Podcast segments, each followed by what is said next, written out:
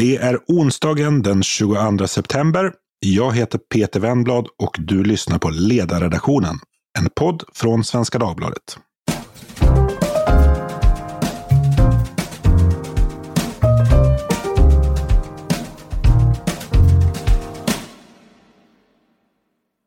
Idag ställer vi oss frågan, kan Centerpartiet och de andra borgerliga partierna hitta tillbaka till varann? Eller är det kört? Det här, den här frågan ställer vi oss med anledning av att Centerpartiet imorgon inleder sin partistämma. Eh, och när det här partiet för snart tre år sedan valde att släppa fram Stefan Löfven och den rödgröna regeringen så skapade det stor förbittring bland många i den tidigare borgerliga allians som bara några månader tidigare hade gått till val på att bilda regering tillsammans. Sedan dess så har tonläget mellan Centerpartiet och de övriga borgerliga partierna snarare skruvats upp än vridits ner. Man kan väl säga att det sverigedemokratiska blixtnedslaget har öppnat ett helvetesgap i det borgerliga berget. Men frågan är om det går att bygga nya broar över den klyftan och i så fall hur det ska gå till. Eller om Centerpartiet och borgerligheten har gått skilda vägar för gott. Hur går egentligen snacket i korridorerna på Centerpartiets partistämma? Och det här tänkte jag diskutera med bara centerpartister. Den första är Nils Parup Petersen som är riksdagsledamot från Malmö. Den andra är Reka Tolnai som är förbundsordförande för Centerpartiets ungdomsförbund. Den tredje, Emanuel Örtegren, tidigare centerstudent, ledarskribent, förtroendevald på Lidingö och som också har varit redaktör för eh, antologin Efter Alliansen som handlade om borgerlighetens framtid och som gavs ut tidigare i år. Varmt välkomna. Första frågan. Hur mår Centerpartiet? Vad säger Reka om det? Jag tycker Centerpartiet mår bra. Vi står ju inför en partistämma som kickar igång imorgon och inför varje partistämma och under varje partistämma så fattas ju mycket, många nya beslut. Så det är mycket förväntan och mycket pirr skulle jag säga att Centerpartiet har just nu. Men i överlag så tycker jag att vi mår bra. Vi står på en stabil grund. Eh, vi har en tydlig ideologisk kompass. Så trots partistämmans utmaningar så tror jag att vi mår väldigt bra. Håller Nils med om den bilden? Ja, jag tycker också att överlag att det känns som att partiet mår väldigt bra. Att vi har vant oss vid den här nya rollen som väl egentligen inte var så att det var något vi från början specifikt önskade. Eh, men eh, vi har vant oss vid den, vi trivs bra med den och, eh, och känner att vi står väldigt stadigt i den. Emanuel, du som eh, både befinner dig i eh, Centerpartiet och i någon slags bredare borgerlighet genom att du är engagerad inom tankesmedjan Timbro och tankesmedjan Fri Värld. Hur mår Centerpartiets relationer med de andra borgerliga partierna? Det mår väl mindre bra än vad partiet gör internt kan man ju lugnt eh, konstatera.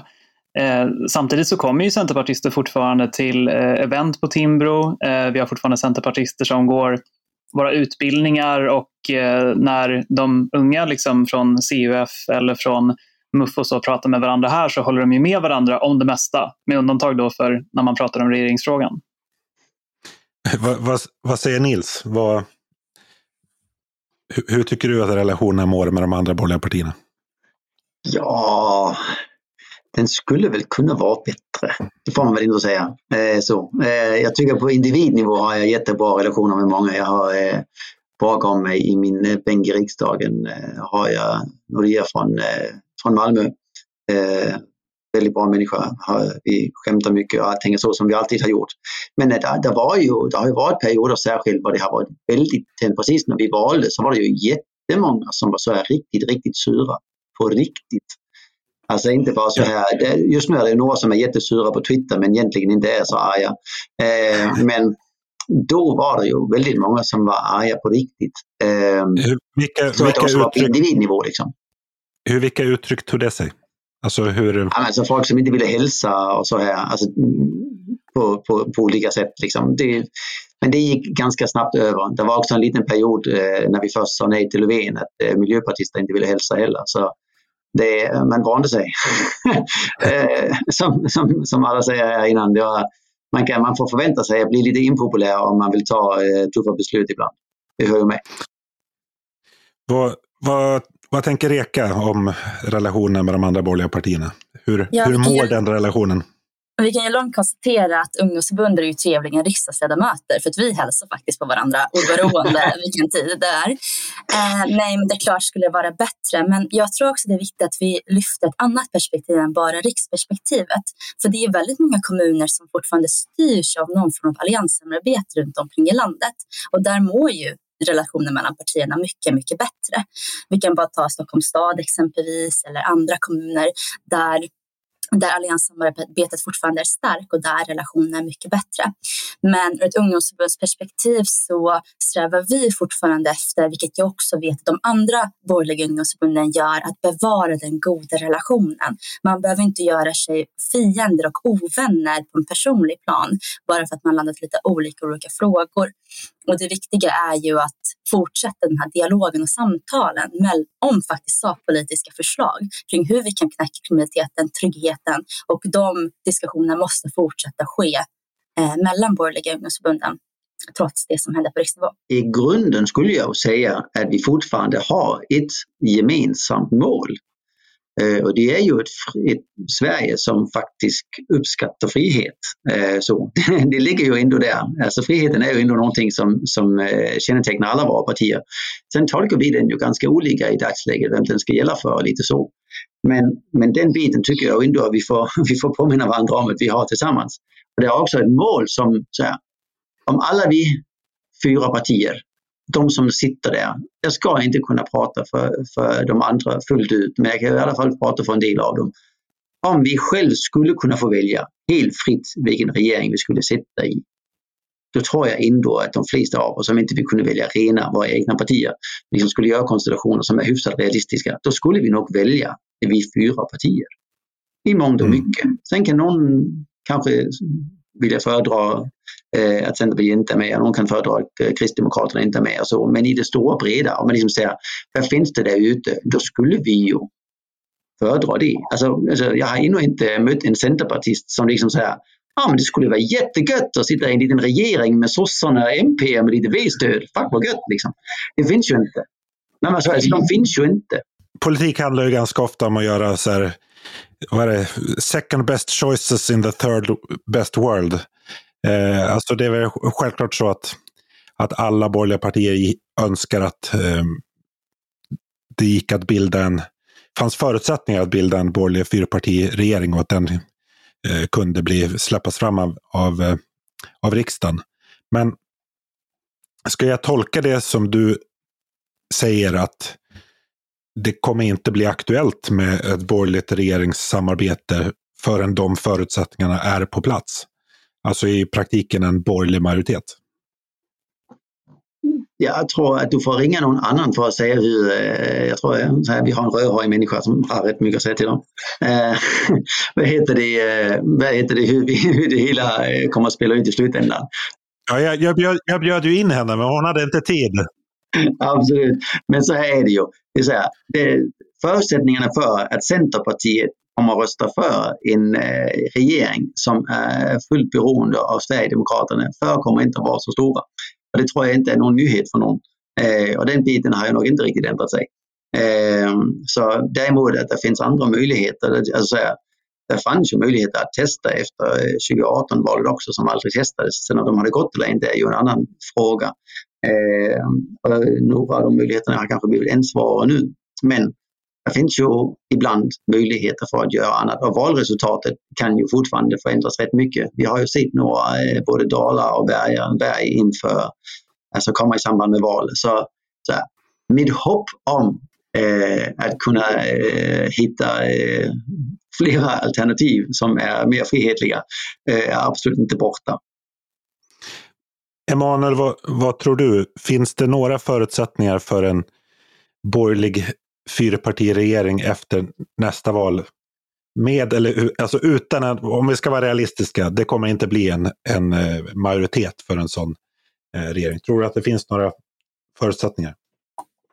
Nej, inte efter valet 2022. Det tror jag inte. Ehm, utan det behöver nog gå eh, ett val till. Mest för att den här, vad ska man kalla den för, post 2010-ordningen i svensk politik en gång för alla ska normaliseras och för att vi ska hamna i något slags nytt jämviktsläge där alla partier på något sätt kan samtala, förhandla, vad man nu vill kalla det för, med alla andra. Jag tycker att Centerpartiet har egentligen ett guldläge som man inte riktigt utnyttjar. Och det menar jag består i att Centerpartiet skulle ju kunna vara ett vågmästarparti på riktigt. Som verkligen skulle kunna ibland välja att samarbeta med Moderaterna, ibland med Socialdemokraterna. Och nu så upplever jag att man från partiledningens håll ofta säger att det är Socialdemokraterna och Moderaterna som borde göra upp med varandra. Och det tycker jag förefaller rätt orealistiskt. Eh, det förefaller särskilt orealistiskt att de två partierna skulle bilda regering med varandra. Däremot så tror jag att Centerpartiet verkligen skulle kunna maximera sin förhandlingsposition inför eh, liksom framtida val om man säger så här, nej men vi, eh, om man säger ungefär som man gör nu, att vi binds inte till något särskilt block. Vi kan samarbeta med både socialdemokrater och, och moderater. Det här är våra, våra kort, det här är liksom den politik vi skulle vilja få igenom. Eh, nu är det väldigt kategoriskt och det tror jag eh, bakbinder eh, Centerpartiet lite på ett sätt som jag tror faktiskt är, är problematiskt för, för partiet. Men om man verkligen skulle vara ett vågmästarparti, då, då jäklar, då tror jag att man skulle kunna få igenom väldigt mycket centerpartistisk politik.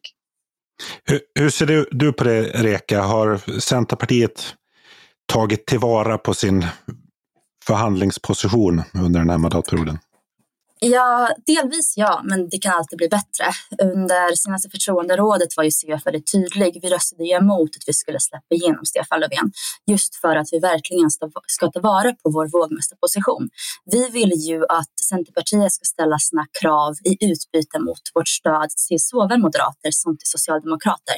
Och den som nappar och den som genomför mest centerpartistisk politik ska ju få vårt stöd. För det behöver inte vara svårare än så. Sen är men, men, och, och, men och här då, och, och, frågan om Sverigedemokraterna. Alltså, vad, hur tänker ni i CUF eh, kring det? Alltså om, om en moderatledd regering erbjuder för att säga, mer borgerlig politik än en, än en rödgrön. Tycker CUF att då ska Centerpartiet nappa? Liksom. För det första så ifrågasätter jag ifall man kan kalla en högerregering ifall Sverigedemokraterna ingår man pratar ju knappt ja, nu, om Sverigedemokraterna. Nu säger jag med, nu säger jag med stöd, inte med... Alltså så här, en borgerlig regering måste släppas fram. Liksom. Genomföra. Ifall den ska genomföra Sverigedemokraternas politik. För att ifall vi kollar på Sverigedemokraternas sakpolitik så den är den inte varken borgerlig eller höger. Den är ju socialdemokratisk och nationalkonservativ. Och genom det så, och det är där vår ståndpunkt ligger. Vi vill ju att sakpolitiken ska genomföras och vi vill ju att partier som genomför sakpolitiken ska göra det. Men vi har också våra krav och våra röda linjer. Vår sakpolitik, det hade varit en helt annan sak om fall en moderatledd regering hade genomfört Sverigedemokraternas trafikpolitik eller trafikregler. Ja, go ahead, kör hårt. Men när det kommer till de riktigt stora frågorna såsom migrationspolitiken, den liberala demokratin och andra viktiga ståndpunkter för Centerpartiet, där är inte vår och Sverigedemokraternas politik förenligt. Vilket också innebär att ifall Sverigedemokraterna får igenom sin politik med en moderat regering, då kommer det inte vara förenlig med Centerpartiets politik och därmed kan inte vi stödja den. Men, men tror du totalt sett att en, en borgerlig regering med sverigedemokratiskt stöd, eller en moderatledd regering med sverigedemokratiskt stöd, skulle kunna leverera totalt sett mer eller mindre centerpolitik än en socialdemokratisk och miljöpartistisk regering?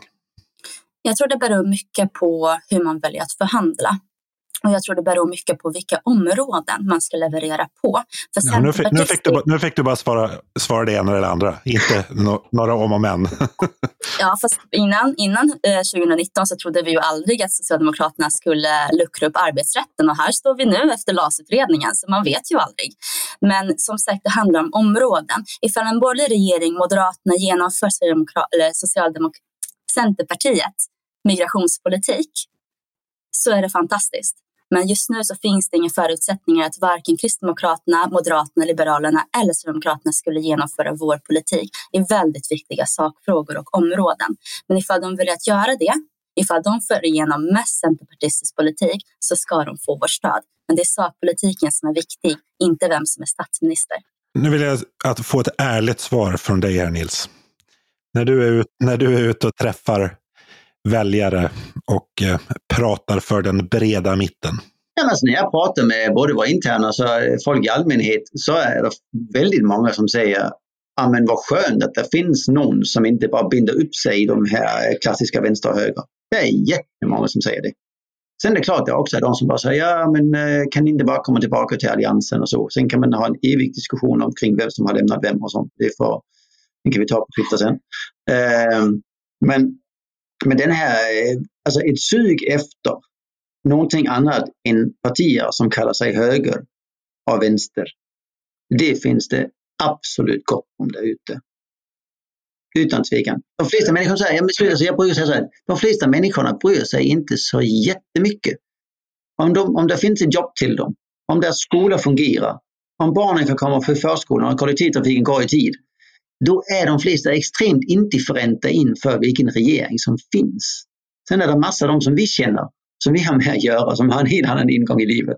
Men de flesta människorna är inte jätte jätteupptagna eh, av den biten. Däremot så bryr de sig om vad som levereras.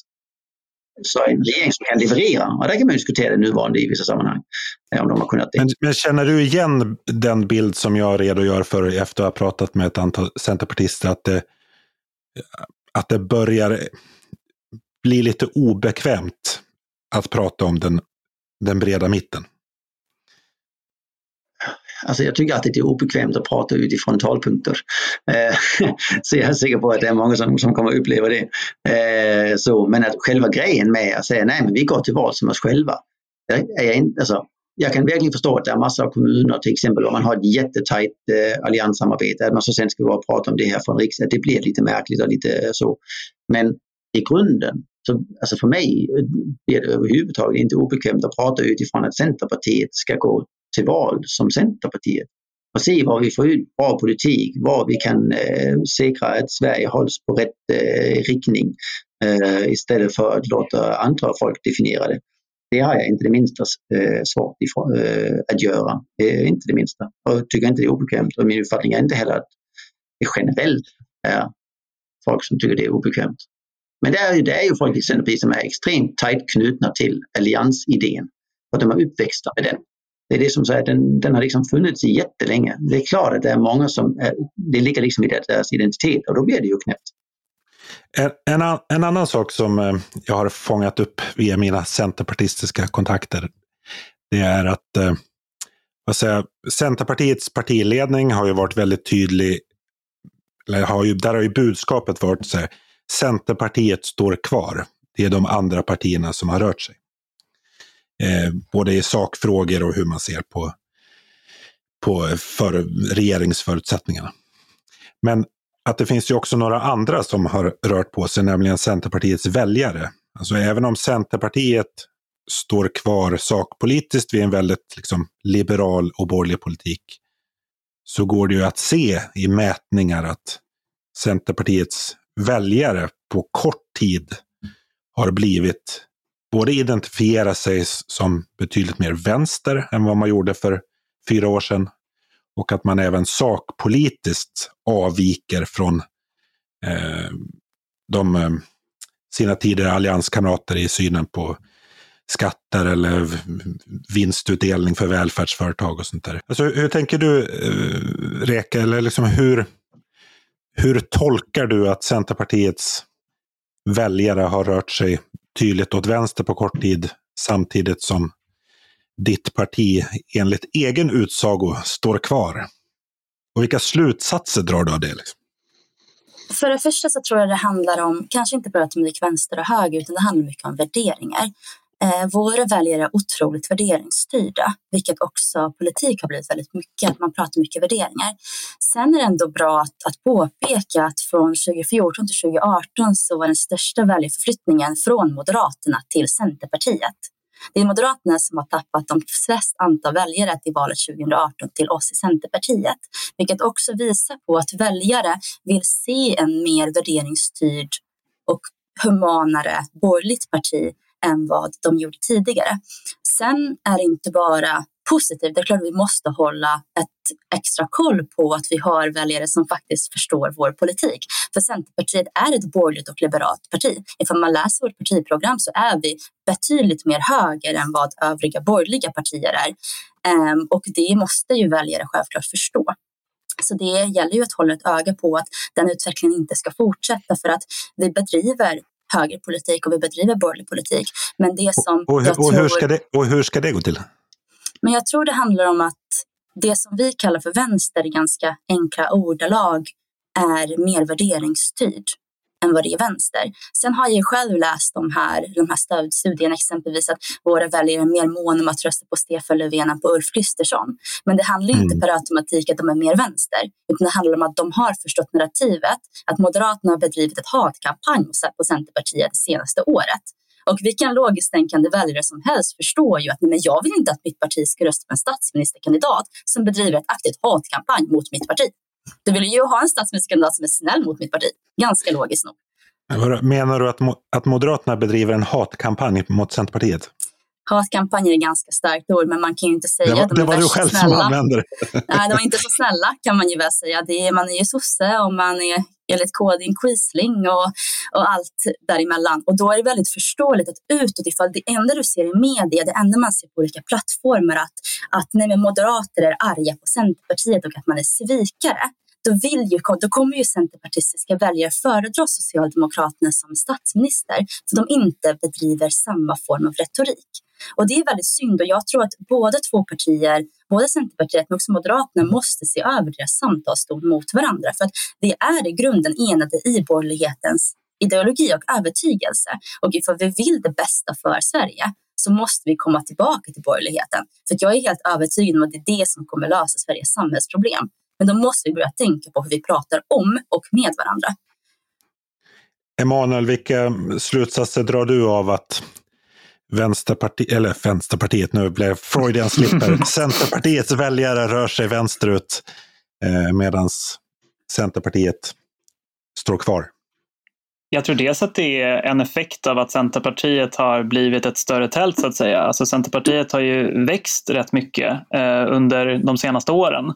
Och en effekt av det, precis som när Moderaterna växte väldigt mycket eh, under Reinfeldt-tiden, det är att också att man får nya väljargrupper och med andra väljare med andra typer av prioriteringar.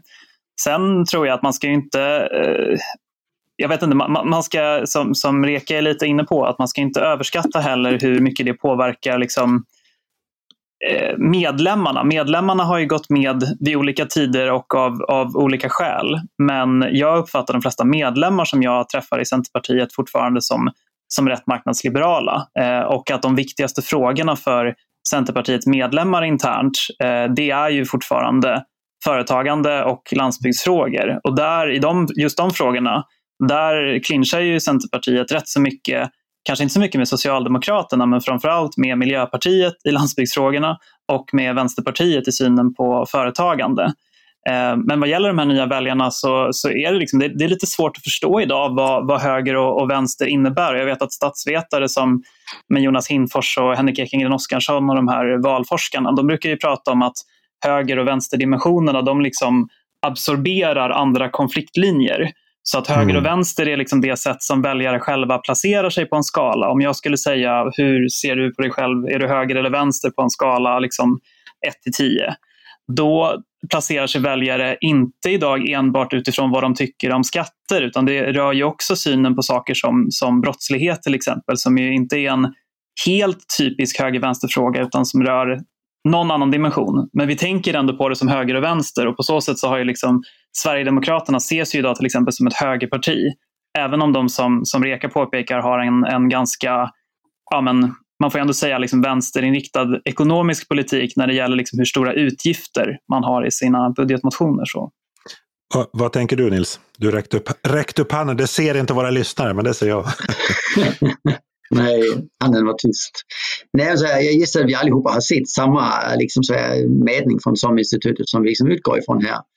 Och om man tittar på den så har, under den tiden den har funnits, eh, då har Moderaterna rört sig längre än vad vi har. Eh, KD har rört sig längre än vad vi har. SD är de som har rört sig fram och tillbaka mest etc. Så under all den tid, vad är det, från 90, eh, eller 86 liksom, ja, men det har, ju, det har ju också påverkat deras eh, ja, ja. politik. Absolut, men så här, där har vi rört oss från, enligt siffrorna, så här, från 3,3 på en högre skala, 3,2 till 3,8. Alltså det är inom det bandet vi har rört oss.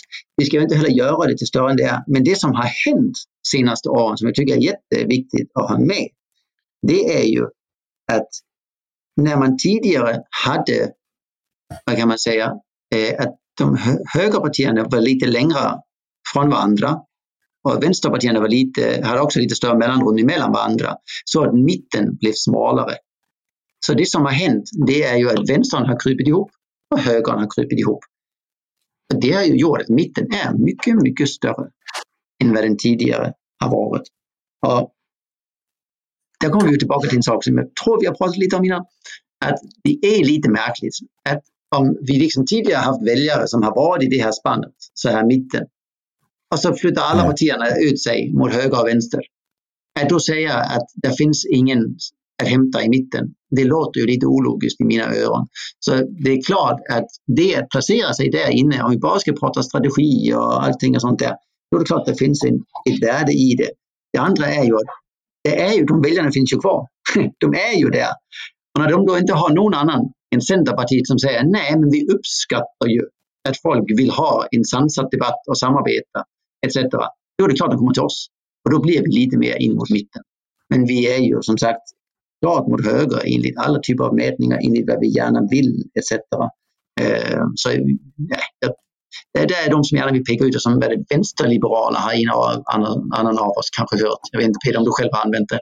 Eh, men Nej, det tror jag faktiskt inte. Ah, okej, okay, det, det är fint. Eh, nej, men det, det, det är sådana uttryck vi hör hela tiden. Det är bara så här, eh, ja, eller bara liberaler liksom. Eh, det är ju bara det att vi inte är konservativa. Och när man inte är konservativ i dagens Sverige så kallas man vänsterliberal. Hur ser det borgerliga fyrpartisamarbetet ut efter nästa val? Finns det överhuvudtaget och hur ser det i så, pass, så fall ut? Vad säger Reka? Det beror ju självklart på valresultatet.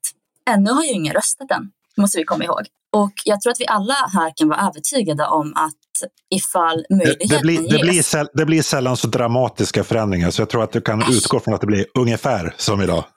Nej då. Jag tror det kan bli. Det kan, det kan bli ändring. Men, nej, men skämt åsido, eh, jag tror vi alla kan vara överens här om ifall möjligheten ges till en borgerlig regering som genomför borgerlig politik Fast utan att tumma på de viktiga kompromisserna och premisserna för hos olika partier så ska vi ha en borgerlig regering. För att återigen, det är fyra borgerliga partier. Och den, den tanken får inte vi släppa.